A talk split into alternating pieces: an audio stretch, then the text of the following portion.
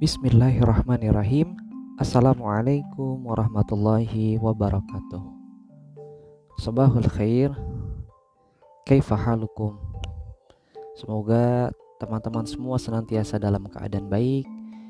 Bagi keluarga juga senantiasa sehat dan diberkahi Allah subhanahu wa ta'ala.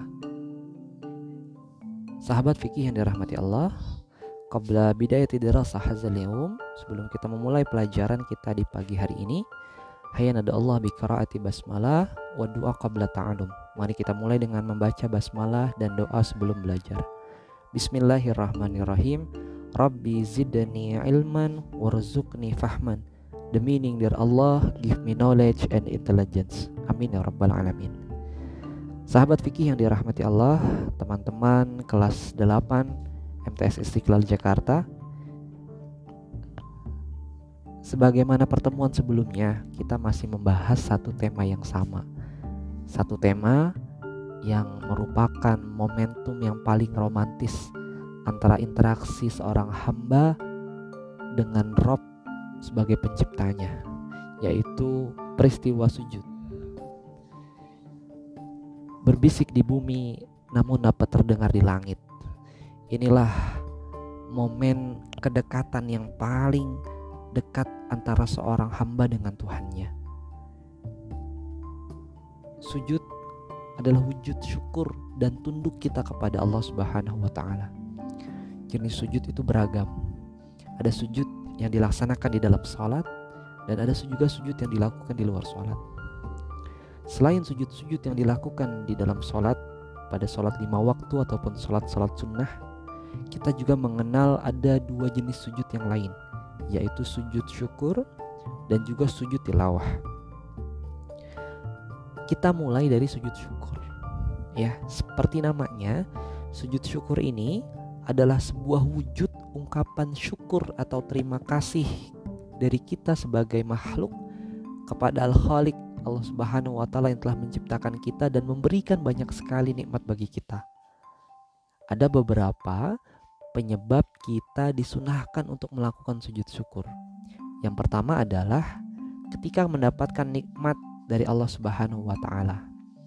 Misalnya, mendapatkan hadiah dari orang tua, mendapatkan nilai yang bagus sekali. Ketika mendapatkan nikmat apa pun dari Allah Subhanahu wa taala, bahkan hal kecil seperti kesehatan, bisa bernafas, itu adalah nikmat-nikmat yang sebenarnya sering sekali kita dapatkan maka disunahkan kita untuk melaksanakan sujud syukur. Yang kedua, sujud syukur dilakukan ketika kita terhindar dari suatu bahaya atau musibah. Misalnya, ketika kita dalam sebuah perjalanan ternyata terjadi kecelakaan. Ternyata Allah menghendaki kita selamat dari kecelakaan itu, padahal sedikit lagi mengenai kita. Di situlah kita disunahkan untuk melakukan sujud syukur karena kita telah terhindar dari bahaya atau musibah. Dan yang terakhir, sujud syukur juga dilakukan ketika kita mendapatkan suatu berita yang menggembirakan. Misalnya, ketika kita di rumah dapat telepon dari orang tua kita, dari ayah kita, mengabarkan kepada keluarga yang ada di rumah. Alhamdulillah, Umi dan anak-anak, ayah hari ini dapat uh, project yang besar nilainya 10 miliar doakan ya semoga ayah bisa berhasil.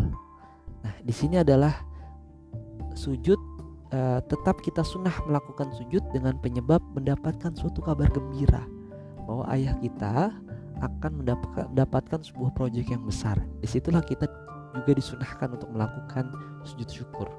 Tiga cara itu menjadi penyebab kita dapat melakukan sujud syukur itu sendiri. Jadi sujud syukur hukumnya sunnah dengan penyebab tiga tadi.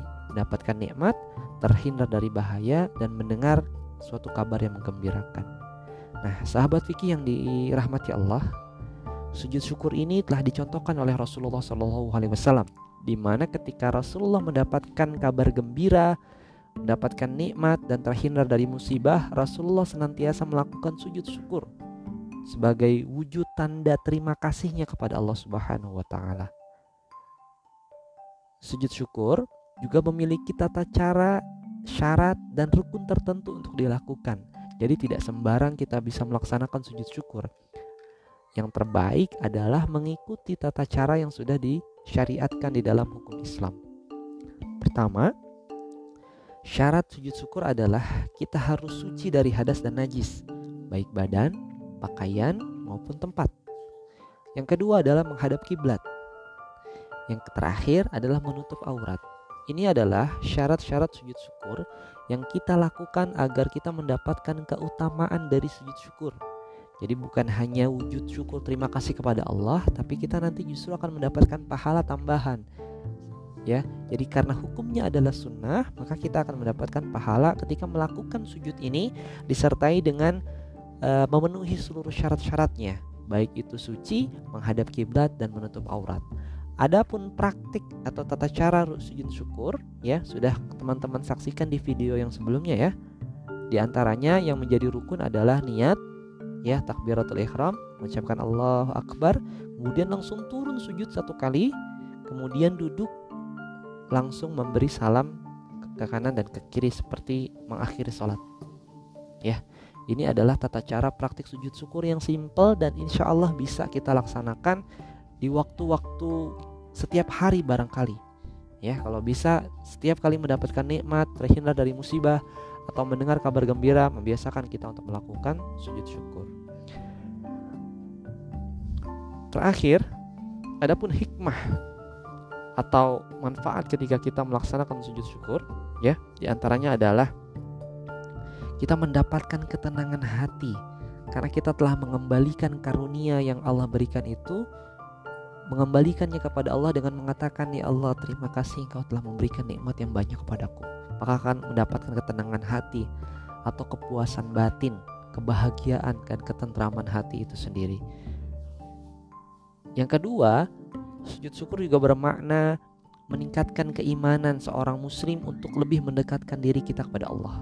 Jadi kita selalu ingat bahwa keberhasilan yang kita raih semata-mata adalah karunia dari Allah Subhanahu wa taala, bukan hasil jerih payah kita sendiri, ya. Jadi mengembalikan seluruh prestasi dan keberhasilan kita kepada Allah Subhanahu wa taala karena Allah lah yang menciptakan kita. Sahabat fikih yang dirahmati Allah, itu adalah hal-hal yang kita perlu perhatikan terkait sujud syukur. Selanjutnya, kita akan memahami tentang sujud tilawah. Materi ini juga sudah ada tersedia di PowerPoint yang sudah saya kirimkan melalui Google Classroom pada pekan lalu. Teman-teman bisa kembali buka sambil mendengarkan materi yang saya sampaikan ini. Yang kedua kita akan bicara soal sujud tilawah. Sujud tilawah berasal dari kata tilawah yang berarti bacaan. Tepatnya adalah sujud ini dilakukan ketika membaca Oke, membaca atau mendengar bacaan ayat-ayat sajadah dalam Al-Quran. Saya ulang ya, sujud tilawah dilakukan ketika kita membaca atau mendengar bacaan ayat-ayat sajadah dalam Al-Quran. Terus dari mana kita bisa tahu ayat sajadah? Pada umumnya, contoh-contoh ayat sajadah dalam Al-Quran biasanya memiliki tanda atau lambang sajadah di bagian akhir ayat. Ya, mungkin sebagian sudah tahu ya, atau kalau yang belum tahu nanti bisa cek. Ada seperti tanda sajadah atau ada kadang ada yang bilang mirip kubah masjid. Ya, di akhir ayat-ayat tertentu di dalam Al-Qur'an. Seperti misalnya di beberapa surat uh, pada surat Maryam ayat 58 misalnya atau surat An-Najm ayat 62 misalnya. Di akhir ayat itu ada tanda seperti sajadah. Nah, ini tanda bahwa inilah ayat sajadah. Jadi ketika kita mendengar atau membaca ayat ini maka sunnah hukumnya kita melakukan sujud tilawah. Untuk syarat dan rukun sujud tilawah sama seperti dengan sujud syukur yang tadi saya sampaikan. Bedanya adalah kalau sujud syukur hanya bisa dilakukan di luar sholat Sedangkan sujud tilawah dapat dilakukan baik di luar sholat maupun di dalam sholat. Ya, dipahami ya. Jadi bedanya antara sujud syukur dan sujud tilawah adalah sujud syukur hanya bisa dilakukan di luar sholat, sedangkan sujud tilawah dapat dilakukan baik di luar sholat maupun di dalam sholat. Lalu kalau sujud tilawah dilakukan di dalam sholat, maka ketika melaksanakan sholat berjamaah, maka kita harus pure mengikuti imam. Apabila imam membaca ayat sajadah, tetapi imam tidak melaksanakan sujud tilawah, maka kita tidak perlu melaksanakan sujud tilawah. Sebaliknya, ketika imam membaca ayat sajadah, kemudian imam melaksanakan sujud tilawah, maka di situ kita hukumnya wajib untuk mengikuti imam melaksanakan sujud tilawah. Ketika imam membaca satu ayat sajadah, imam bersujud, kita mengikuti sujudnya imam. Maka setelah melakukan sujud tilawah, maka otomatis imam langsung berdiri. Kalau ada bacaannya mau dilanjutkan, maka dilanjutkan bacaannya. Kalau tidak, maka segera langsung ruku setelah sujud. Jadi ruku, sujud, berdiri, kemudian ruku langsung. Nah, apabila mendengar atau membaca ayat sajadah di luar sholat, maka yang perlu dilakukan adalah seperti tadi sujud syukur, yaitu takbiratul ihram, mengucapkan Allahu Akbar, kemudian langsung bersujud, bangun, duduk, kemudian langsung salam. Ya, jadi tata caranya sama. Ya, sama seperti antara sujud syukur dan juga sujud tilawah. Nah, yang perlu kita perhatikan di dalam Al-Qur'an itu ada total 15 ayat yang merupakan ayat-ayat sajadah yang membuat kita disunahkan melakukan sujud tilawah. Di antaranya adalah yang pertama di Quran surat ke-7, surat Al-A'raf ayat 206. Yang kedua adalah surat ke-13 di dalam Al-Quran, yaitu surat Ar-Ra'du ayat 15. Selanjutnya ada surat ke-16 dalam Al-Quran, yaitu surat An-Nahl ayat 49 sampai 50. Kemudian surat Al-Isra ayat 107 sampai 109 Kemudian surat Maryam ayat ke-58, Al-Hajj adalah ayat ke-18 dan juga 77. Nah, khusus Al-Hajj ini ada dua ayat sajadah di dalam satu surat, ya. Kemudian surat Al-Furqan ayat ke-60, surat An-Naml ayat ke-26, As-Sajdah ayat ke-15 ya sesuai namanya As-Sajdah.